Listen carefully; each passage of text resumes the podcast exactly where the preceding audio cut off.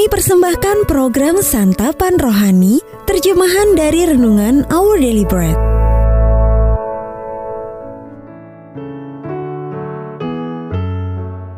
Sahabat ODB, pembacaan Alkitab hari ini terambil dari Yesaya pasal yang ke-8 ayat 23 sampai pasal 9 ayat yang kedua.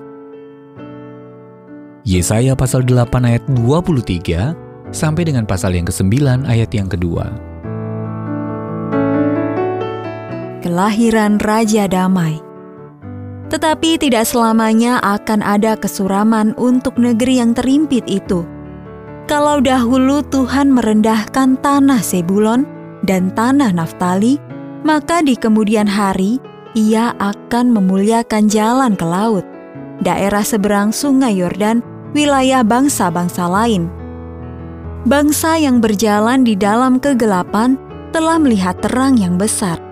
Mereka yang diam di negeri kekelaman, atasnya terang telah bersinar. Engkau telah menimbulkan banyak sorak-sorak dan sukacita yang besar. Mereka telah bersukacita di hadapanmu, seperti sukacita di waktu panen, seperti orang bersorak-sorak di waktu membagi-bagi jarahan. Ayat Mas Renungan hari ini terambil dari Yesaya pasal yang ke-9 ayat yang pertama. Bangsa yang berjalan di dalam kegelapan telah melihat terang yang besar. Judul renungan kali ini, Terang yang Besar, ditulis oleh Win Collier. Sahabat ODB pada tahun 2018 di Thailand, 12 anak laki-laki dan pelatih sepak bola mereka masuk ke dalam gua yang berliku-liku dengan maksud untuk menikmati petualangan di sore hari. Karena air pasang yang tidak terduga menggenangi gua itu, mereka terpaksa masuk semakin dalam dan tidak bisa keluar lagi. Dibutuhkan waktu dua setengah minggu untuk menyelamatkan mereka. Meski dirintangi permukaan air yang tinggi, regu penyelam terus berusaha menyelamatkan mereka. Sementara anak-anak itu duduk di atas batu dengan hanya diterangi enam senter yang sekarat.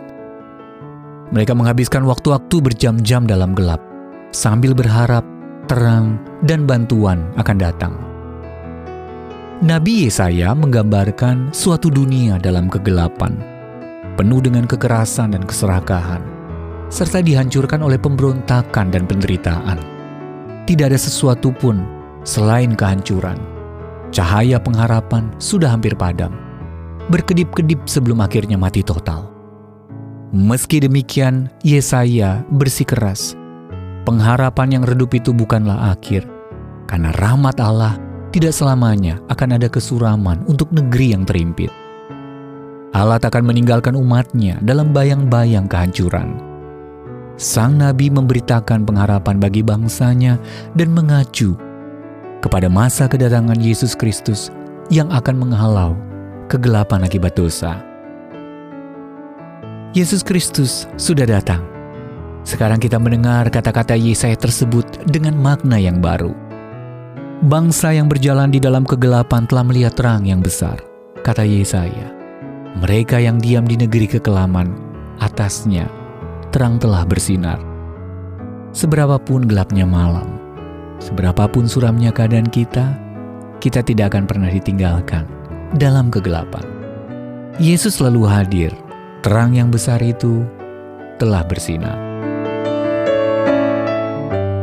Sahabat ODB, seberapa rentan Anda terhadap perasaan putus asa dan kesuraman? Bayangkanlah Yesus sebagai terang yang besar dan bagaimana terang tersebut membangkitkan harapan Anda.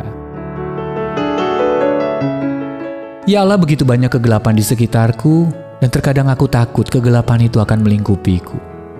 Kumohon, jadilah terangku.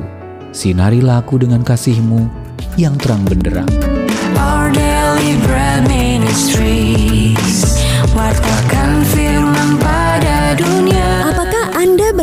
mendapatkan buku renungan ini dalam bahasa Indonesia, Inggris, atau Mandarin, atau Anda rindu mendukung pelayanan ini, hubungi Our Bread Ministries di 021 2902 8950, WhatsApp 0878 7878 9978, email indonesia@odb.org.